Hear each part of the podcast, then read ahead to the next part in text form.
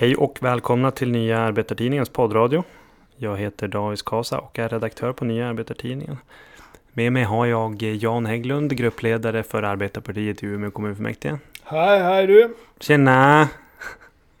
Vi har pratat göteborgska hela tiden innan vi börjar spela in det här, så det här kan gå riktigt illa det här avsnittet.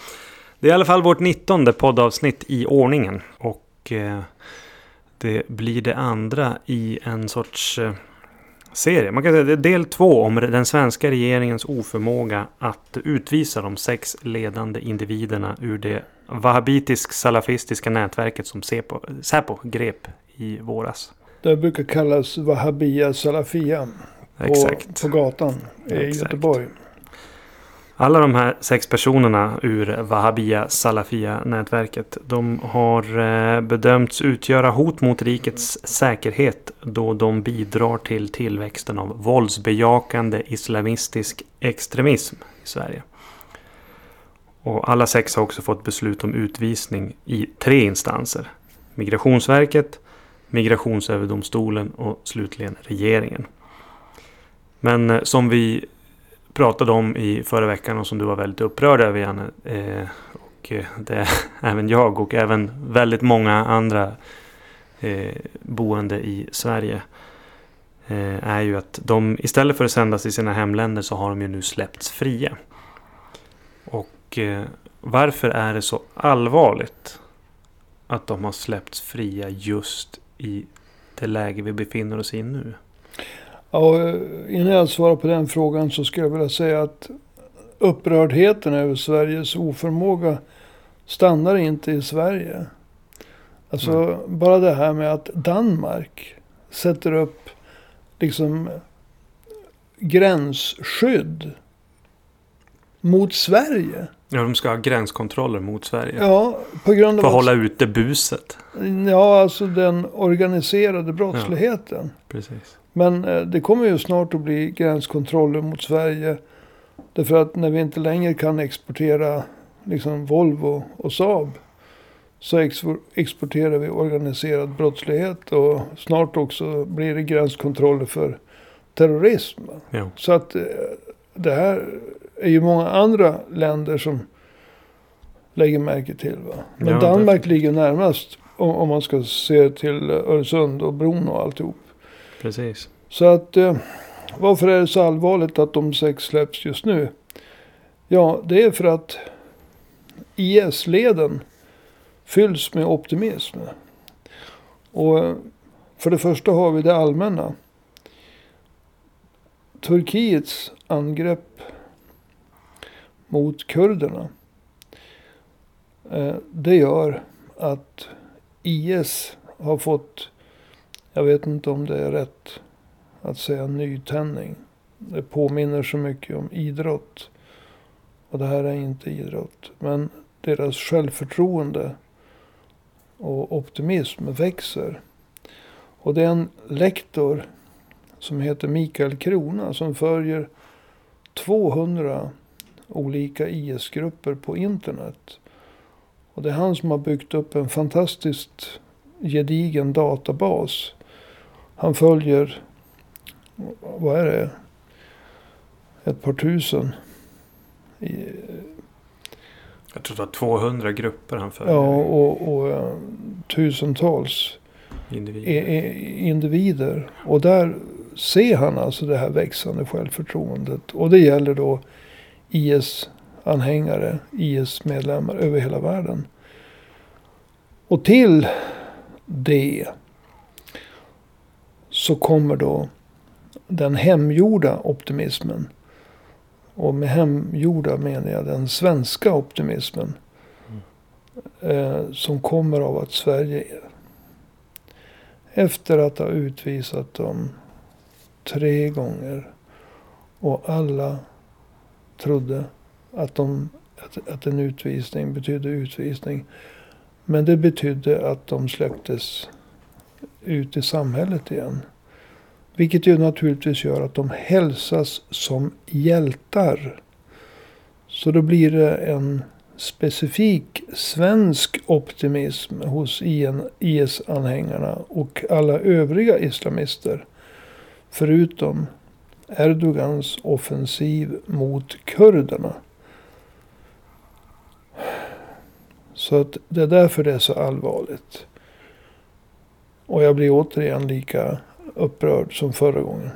Ja, alltså det skäl som han har uppgett eh, till att eh, de här sex personerna nu släpps fria är att det finns något som heter verkställighetshinder för deras utvisningar. Kan du förklara vad som menas med det? Ja, vi... Eh, Sverige eh, antog någonting som hette eh, Genèvekonventionen. Egentligen så är det FNs konvention angående flyktingars rätts, rättsliga ställning.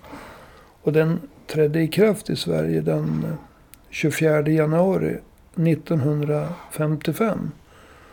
Och den reglerar vem som är flykting och hur olika länder ska behandla flyktingar. Och i artikel 33 så tar man upp om förbud mot utvisning och avvisning. Det ska man, man, man får inte avvisa en flykting eller utvisa en flykting till ett land som utgör ett hot mot flyktingens liv eller frihet på grund av hans ras, religion, nationalitet, tillhörighet, politiska åskådning och så vidare. Men det här gäller inte i vissa fall. Det finns undantag.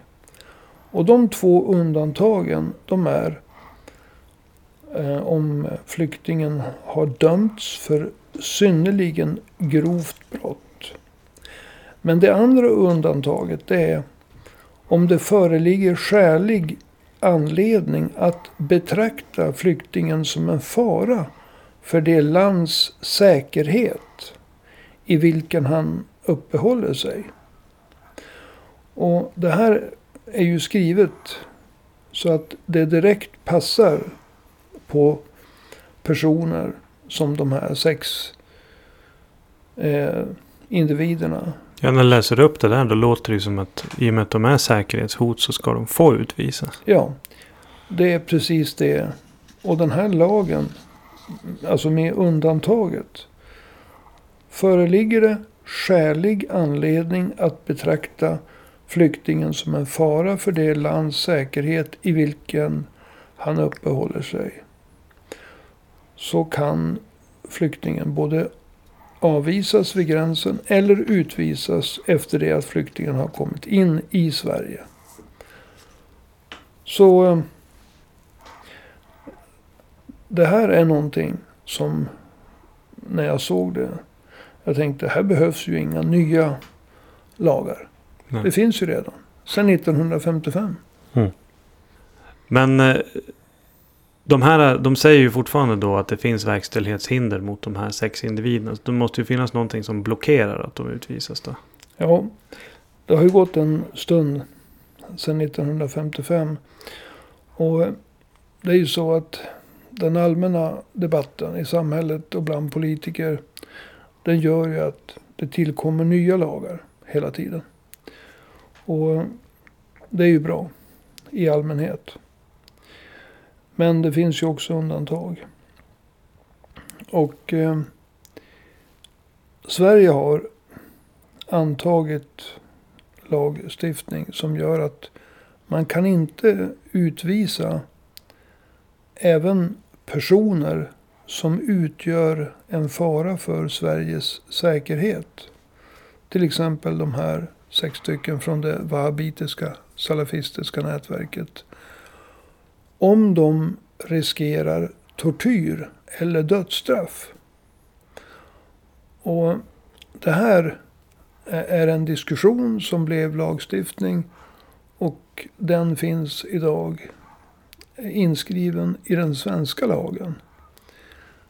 Bland annat, eller speciellt i utlänningslagen. 12 kapitlet, första paragrafen. Just det. Så det är på grund av risken för tortyr och dödsstraff i hemländerna då som man hävdar att det finns så kallat verkställighetshinder. Att man inte kan utvisa dem. Ja, det är så jag uppfattar det. Det är det det handlar om. Men mot den bakgrunden är det inte ganska hopplöst att, att utvisa de här sex wahhabiterna då? Alltså finns det ingenting som den svenska regeringen kan göra? Jo, om den svenska regeringen slutar att bete sig som de tre aporna. Eh, den som håller för ögonen, den som håller för öronen och den som håller för munnen. Och titta på hur andra länder har gjort. Magnus Ranstorp skrev en debattartikel i Göteborgs-Posten eh, den 5 november. Och där pekar han på Danmark och Storbritannien. Och de har eh, utvisat personer som är i, liksom i samma situation som de här från det wahhabitiska salafistiska nätverket till länder som bland annat Marocko och Jordanien. Ja, just det. Och Italien har sedan 2010 utvisat, utvisat 19 imamer med koppling till terrorism. Till olika länder i Nordafrika. Och det har man kunnat göra. Hur har man gjort det då? Ja, man har krävt diplomatiska garantier av länderna som Marocko och Jordanien och andra länder i Nordafrika. Garantier att de inte ska utsättas för tortyr eller att de inte ska dömas till dödsstraff. Mm. Och det skulle Sverige också kunna göra när det gäller till exempel de tre som borde utvisas till Irak. Varför gör inte det då? Ja, Regeringen? eh, min uppfattning är att den här regeringen bestående av socialdemokrater och eh, miljöpartister. De saknar ju vilja och eh, handlingskraft. Och har man ingen handlingskraft och har man ingen viljeinriktning så blir det inte gjort någonting. Eh, Storbritannien, Danmark och Italien har uppenbart haft både vilja och handlingskraft. Och därför så har de kunnat göra det Sverige inte har lyckats med. Det är precis samma sak med, som med den bristande eller avsaknaden av en fungerande terrorlagstiftning i Sverige. Mm. Det är i stort sett det enda landet i EU som inte har en sån. Men eh, om man tänker sig de här tre stycken till Irak. Om jag ska leka lite grann djävulens advokat här. Va? Så Irak har ju systematiskt eh, torterat sunnimuslimer. För att ja, jaga reda på IS-sympatisörer som finns kvar och sådär.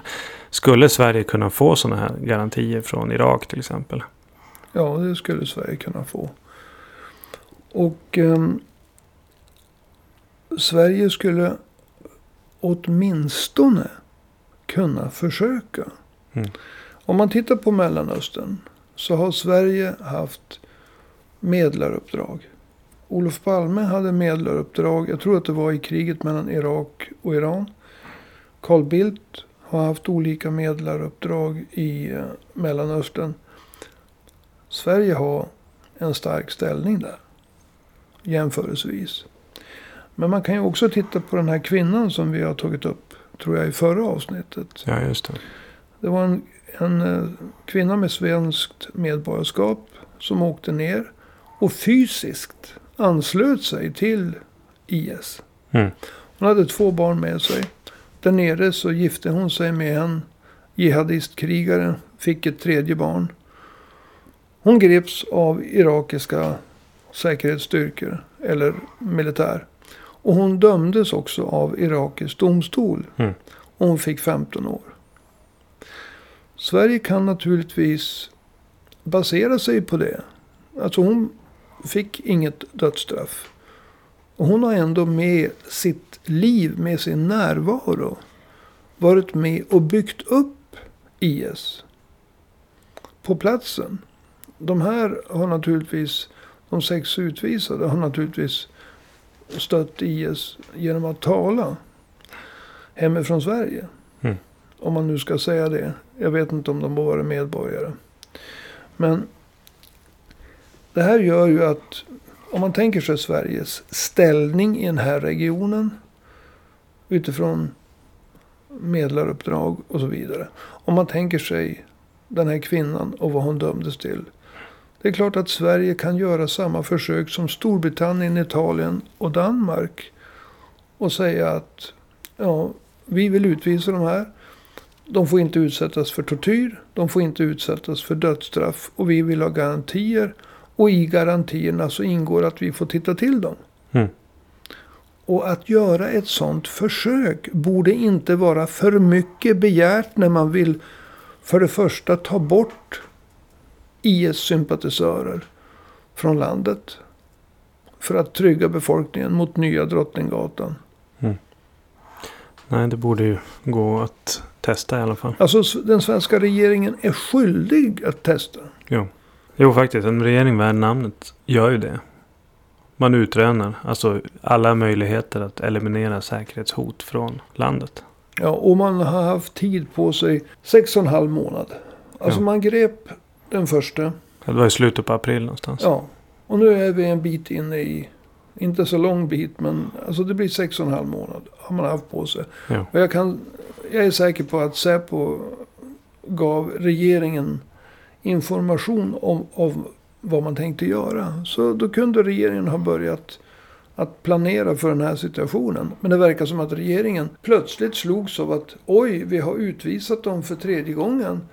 Och, och nu kan vi inte göra någonting. Alltså det tror jag inte på. Så dum kan inte ens eh, regeringen vara. Nej, men det blir den här katastrofen istället. Alltså, har du sett SVT-scenerna där de kommer?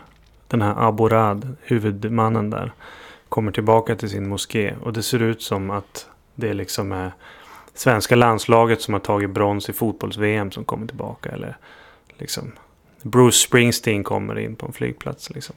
Ja, det är klart att de blir hjältar. Ja. Det finns 2000 enligt Säpos beräkningar våldsbejakande islamistiska terrorister. Och kring dem finns det ytterligare tusen hangarounds. Extremist. extremist. Ja, eh, extremister menar jag. Och till, kring dem finns det ytterligare hangarounds. Mm. Och eh, det finns alltså inte våldsbejakande islamister i ännu bredare cirklar. Mm. Alltså det är ju, de blir ju hjältar för alla.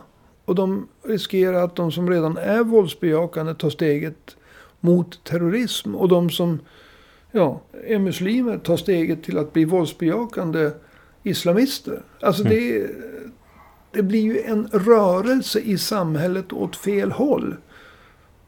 När Säpo grep in, och jag är ingen anhängare av Säpo i vanliga fall. Men när de gjorde det så vart det ju en rörelse åt rätt håll. Ja. Det visade sig att det fanns något liv i de svenska regeringshögkvarteren och myndighetstopparna. Något liv. Mm.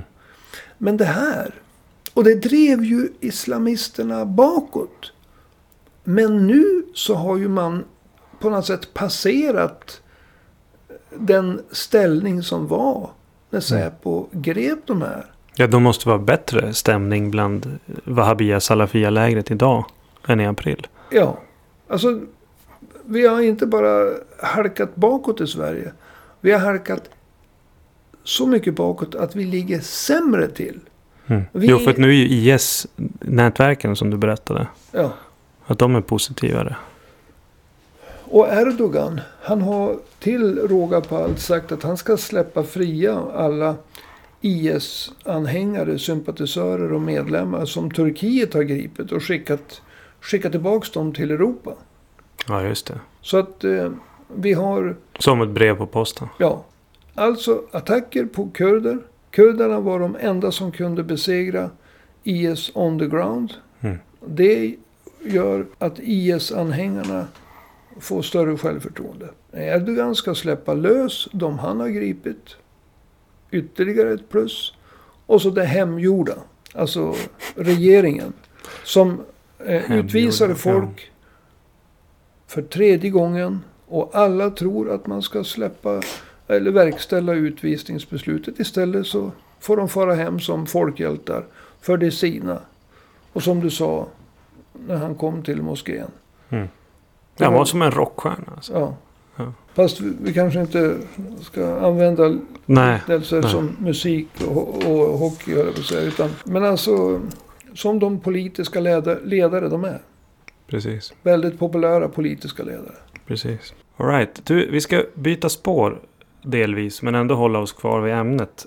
Eh, Sverigedemokraterna, de anser att om deras parti hade fått bestämma skulle de ha fått igenom ett, man kan säga ett listigt lagförslag i riksdagen. Och då skulle frågan om vad som händer med de här imamerna då vara löst.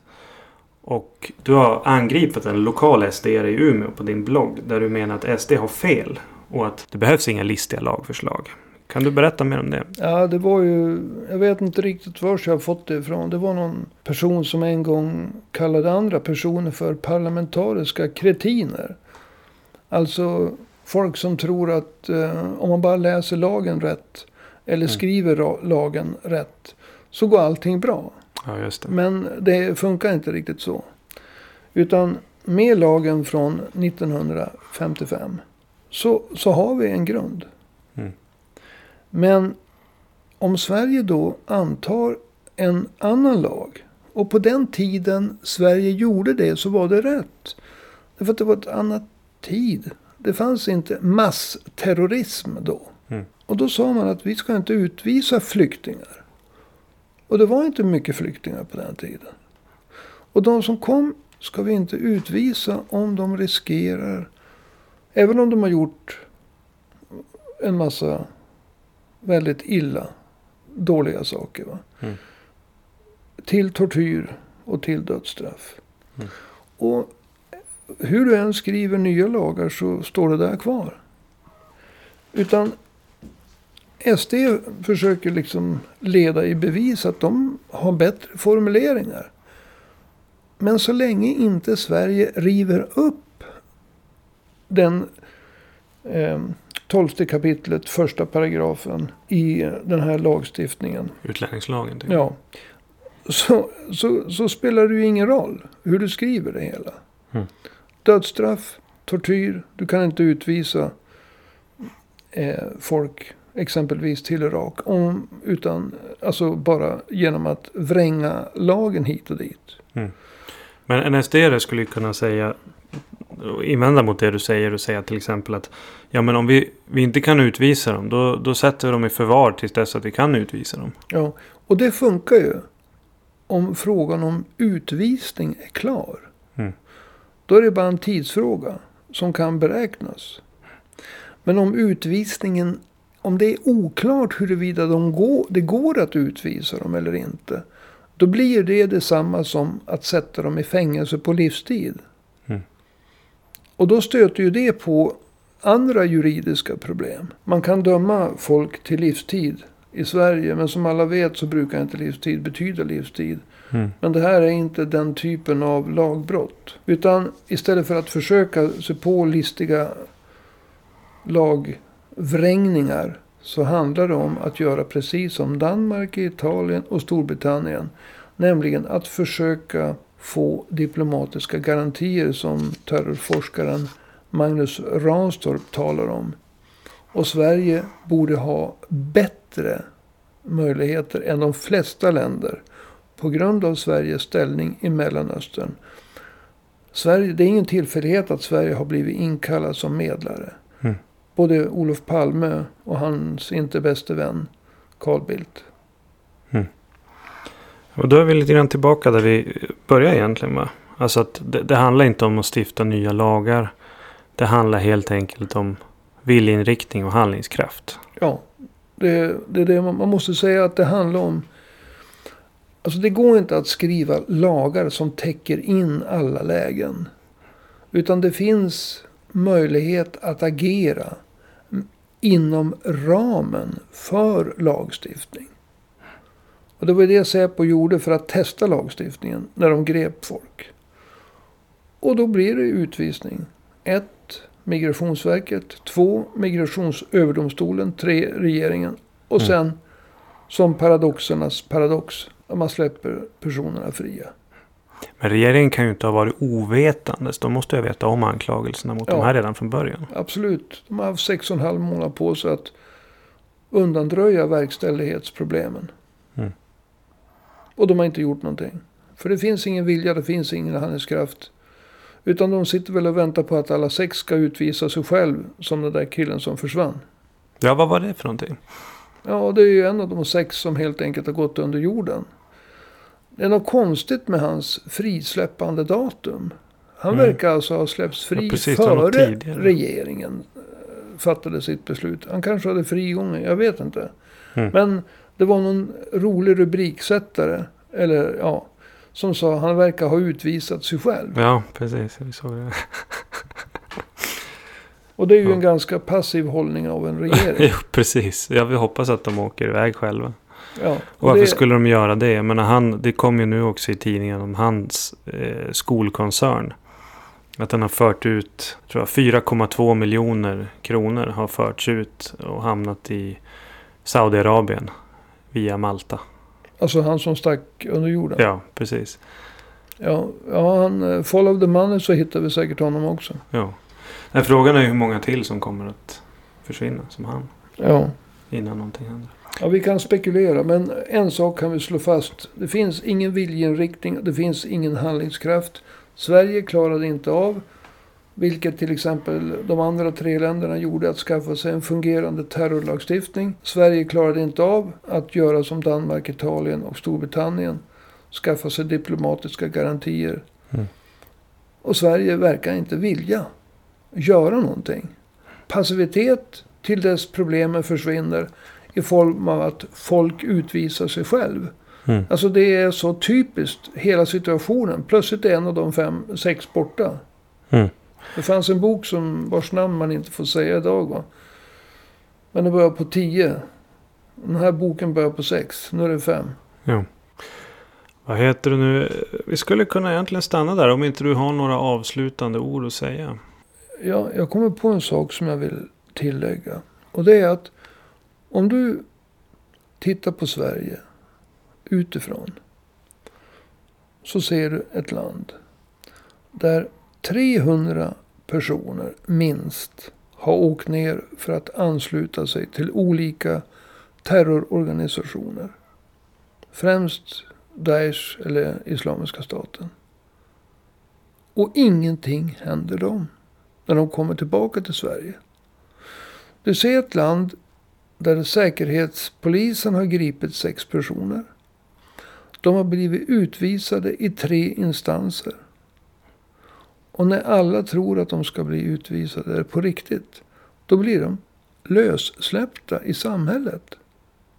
Alltså vad ska människor som bor i andra länder och tittar in på Sverige och tar de här två exemplen. Vad ska de tro? Mm. Är det ett land av totala galningar? Eller vad är det? Vad är det för fel på det här landet? Mm. Och därför så måste vi bygga upp en alternativ media för en alternativ vänster. Och vi kommer inte vara de enda i den alternativa vänstern. Ja, men du, då får jag tacka så mycket för idag då. Jan Hägglund, gruppledare för Arbetarpartiet i Umeå kommunfullmäktige. Ja, jag har ju faktiskt ett ärligt jobb också. Jag är ansvarig utgivare för en växande mediekoncern. Jo, precis. Den ska vi prata om senare. Jo, alternativ media för en alternativ vänster. Eh, ja, alltså det kan ju bli. Och då ska det ju vara fler än vi med. Precis, precis. För att avsluta då, så jag vill återigen tipsa om den hemsida som har skapats av arbetsgruppen som eh, du var med i, eller är med i, eh, Janne. Som har lämnat in polisanmälan mot de svenskar som eh, rest, eller de individer som rest från Sverige för att ansluta sig till IS. De 300. 300 precis. Och andra terrorgrupper i Irak och Syrien. Och det finns ju en hemsida. Den heter Demokrati och upprättelse. Som man enklast når via att gå in på d-u.se. D vanligt bindestreck u.se. Och där kan man läsa vittnesberättelser eh, från människor som har fallit off- offer för IS, Daesh, eh, Ja. grymheter. Bland annat tre vittnesberättelser från människor som har överlevt. Att de har, ja, levt är väl för mycket att säga, men de har vistats. De har överlevt ett antal år i IS, Daesh så kallade huvudstad Raqqa. Precis. Och det här är en skrämmande läsning. Så jag vill verkligen att ni tar vara på chansen och gå in på den hemsidan. Mm. Och dela den också till alla ni känner i Facebook, Twitter. Vad man nu använder för någonting. För att det här är någonting som måste spridas. För det här understödjer den polisanmälan som ligger just nu. Mot de här individerna. För att någonting ska den svenska staten göra. För att, så att säga. För att lagföra de här individerna helt enkelt. Till sist då, nu på onsdag den 13 november. Då lanserar vi det som Janne pratade om förut. En alternativ media för en alternativ vänster. Alltså nya arbetartidningen på vår nya hemsida. Och vår storsatsning på nättidning med den här poddradion, webb-tv, arbetsplatsrapporter från när och fjärran. Rekommendationer av bra dokumentärer och tv-program. En blogg och massa annat. Så att håll ögonen öppna efter eh, detta. Och glöm inte heller att eh, swisha oss ett eh, bidrag. Om du tycker att det du lyssnar på är bra. Då kan du eh, plocka fram mobiltelefonen. Eh, och så knappar du in i Swish-appen 123 504 7105. Alltså 123 504 7105. Och eh, det var allt för idag. Jag heter David Skasa och du har lyssnat på Nya Arbetartidningens poddradio avsnitt 19. Ha en trevlig helg så hörs vi igen nästa vecka. Hej då!